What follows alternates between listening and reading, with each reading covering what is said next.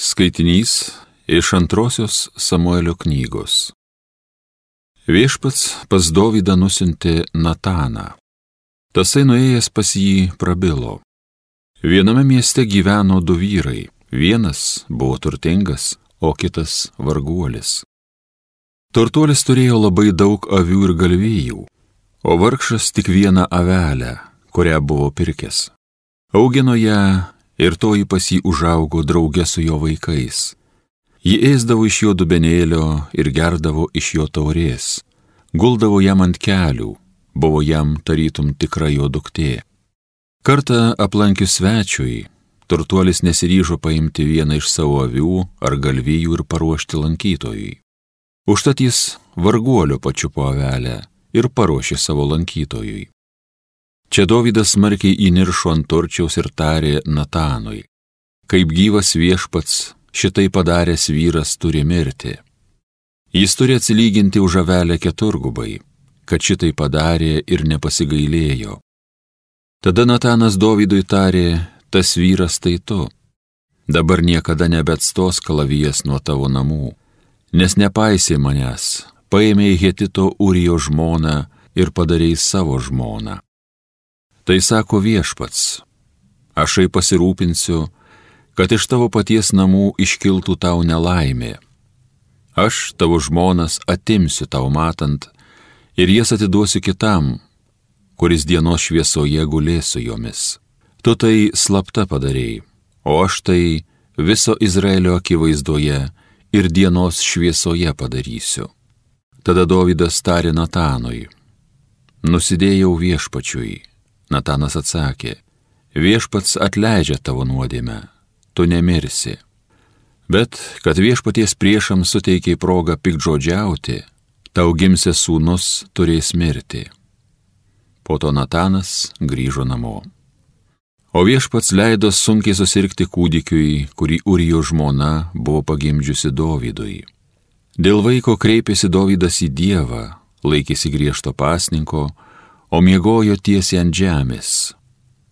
Namų vyresnieji, suradę jį įkalbėjo keltis nuo žemės, bet jis nenorėjo, taip pat nevalgė su jais. Tai Dievo žodis.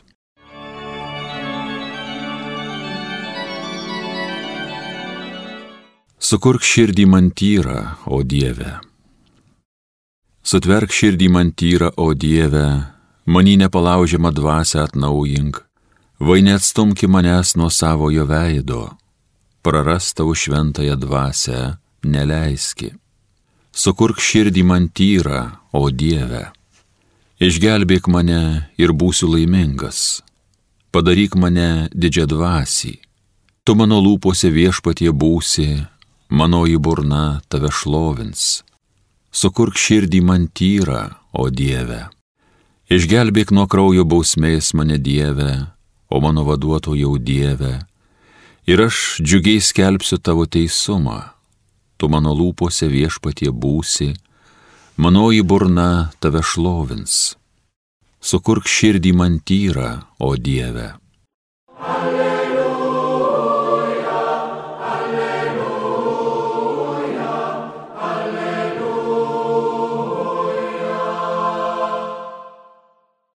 Dievas taip pamilo pasaulį, jog atidavė savo vienatinį sūnų, kad kiekvienas, kuris jį tikė, nemirtų, bet turėtų amžiną į gyvenimą.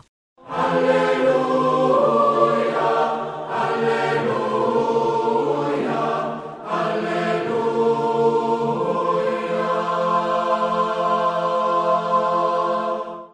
Pasiklausykite Šventojios Evangelijos pagal Morkų.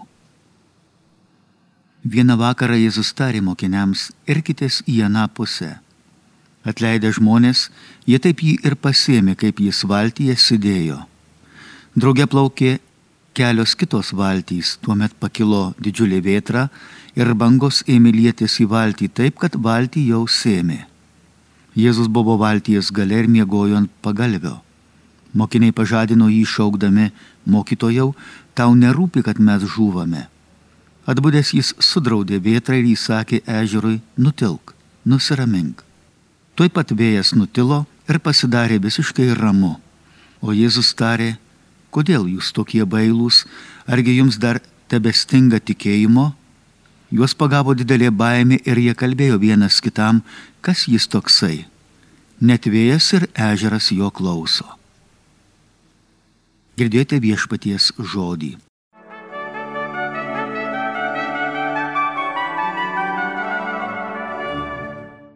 Argi gali būti, kad mes Dievui nerūpim? Tas, kuris kiekvieną iš mūsų sukūrė, pašaukė į buvimą ir tą buvimą palaiko šioje žemėje, ant kryžiaus mirė, kad sumokėtų mūsų skolas, kurias padarėm, darom ar padarysim. Kaip jis sako, net jeigu tėvas motina tave apleistų, aš tavęs niekada. Tai gal visa problema kartais yra mumyse. Juk jis sako, nebijokit, aš su jumis per visas dienas iki jūsų buvimo pasaulio pabaigos. Ir šventajame rašte mes randame šitą nebijokit 365 kartus, taip kaip ir dienų metuose, kiekvienai dienai. Nebijok, šiandien esu su tavimi.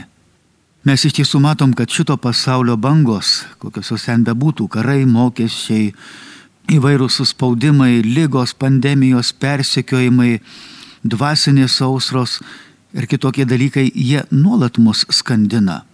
Priedo dar mūsų nuodėmės, jeigu į savo gyvenimo valtis prisikraunam nuodėmių, akmenų, tai be abejo jie mus irgi skandina.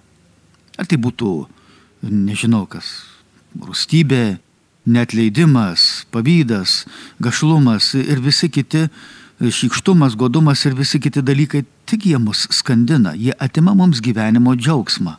Ir tada jau skęstam. Tada galbūt duok dievė, jeigu šaukėmės, gelbėk mane viešpatie. Labai dažnai žmonės sako, svarbiausiai Dievą turėti širdyje. Ar tikrai turi tą Dievą širdyje?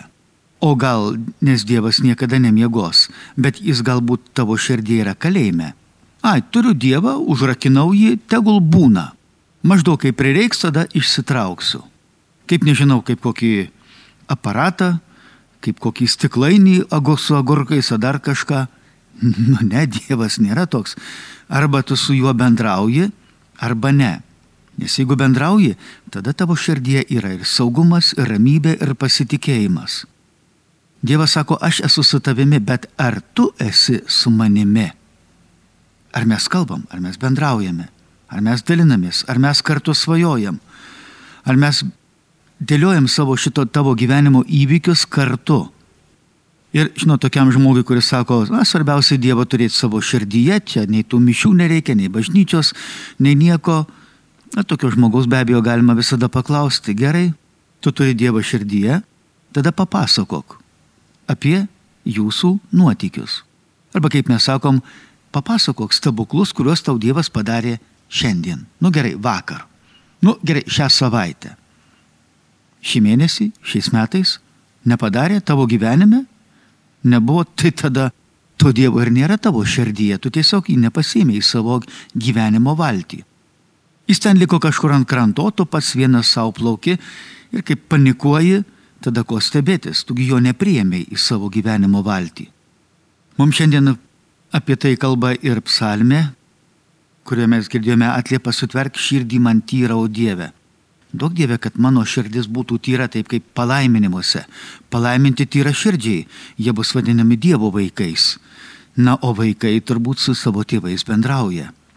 Lygiai taip pat ir mes turbūt turėtumėm bendrauti su Dievu, tada ateina ir saugumas, ir ramybė, ir pasitikėjimas. Stebėkit, kaip Jėzus sako, nepasidarysit kaip vaikai, net nepriimsiu dangaus karalystę. O vaikai pasitikė savo tėvais, net jeigu bėdos, problemos ar dar kažkas, jie žino, yra tėtis ir mama, kurie visko pasirūpins. Kad ta širdis būtų tyra, o jinai išsipurvina. Išsipurvina pavydo, puikybė, neapykanta, neviltimi, baime ir kitais šitais pasaulio purvais neišvengiamai. Negali būti, kad neišsipurvinsi. Negali būti, kad neprakaituosi. Nu, taip nebus. Tavo organizmas toks yra. Ir jeigu tu esi žemėje, tu neišvengiamai išsipurvini. Apie tai liudė kiekvienas šventasis. Prisipažindamas, kad taip esu nešvarus. Esu purvinas, esu įsitepęs, Arba kaip mes sakom, esu kaltas, esu nuodėmingas. O kuogi skiriasi pasaulio vaikai ir Dievo vaikai? Juk nusideda abu pagal visus dešimt Dievo įsakymus ir pagal visas septynias didžiasias nuodėmes. Ir mes, ir šventieji tą pripažindavo.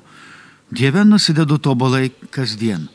Bet čia yra visas skirtumas, kad pasaulio vaikai nepripažįsta nusidėję. Jie niekada nesakys, esu kaltas, esu kaltas. Ne, kalti visi kiti tu, jis, ji, mes, jūs, jie, jos, bet tik ne aš. O Dievo vaikai, kaip sako, aš esu kaltas.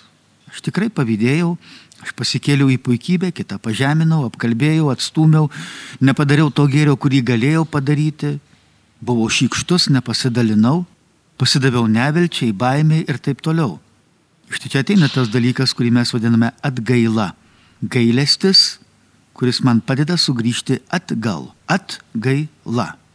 Ta mes matome gerajame latre ir tame blogajame latre, kurie buvo šalia Jėzaus prikalti, kuogi jie skiriasi, už tas pačias nuodėmės buvo prikalti, už tą patį blogį, kurį padarė žmonėms, bet vienas iš jų tą blogį įteisina, kaip daro pasaulio vaikai, o kitas, ką daro gerasis latras, Jis neapkenčia to blogio, jeigu galėtų jis dabar jį išplėštų iš savo širdies. Argi ne tą mes ir darome iš pažinties metu, ar neišplėšiam to blogio iš savo širdies. Ir netiduodam Dievo avinėliui, kuris tą blogį, ką padaro, sunaikina. Ir štai tada vėl ramu. Vėl paėgė mylėti, vėl visus tavo programos, džiaugtis, nuostaba, kūryba, dalintis ir visa kita, vėl viskas veikia tavyje. Kaip šiandien Augustinas sako, širdies audros bangos užlieja kartais net ir mūsų protą.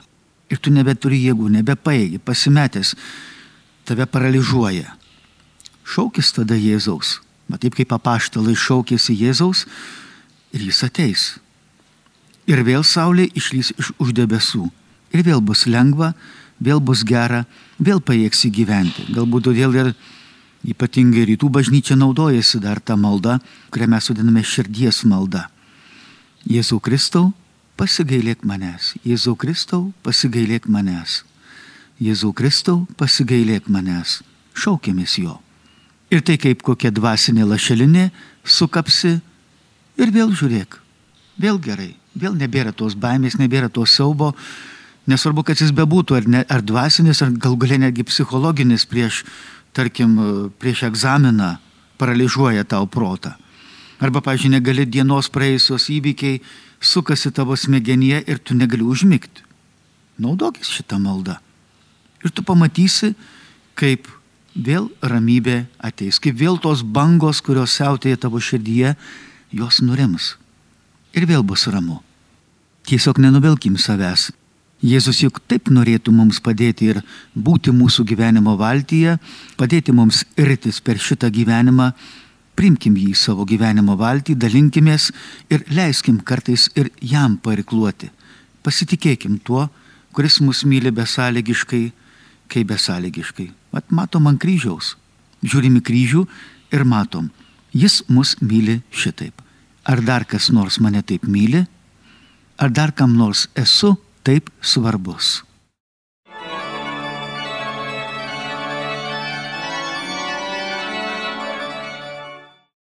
Homilija sakė kunigas Erastas Murauskas.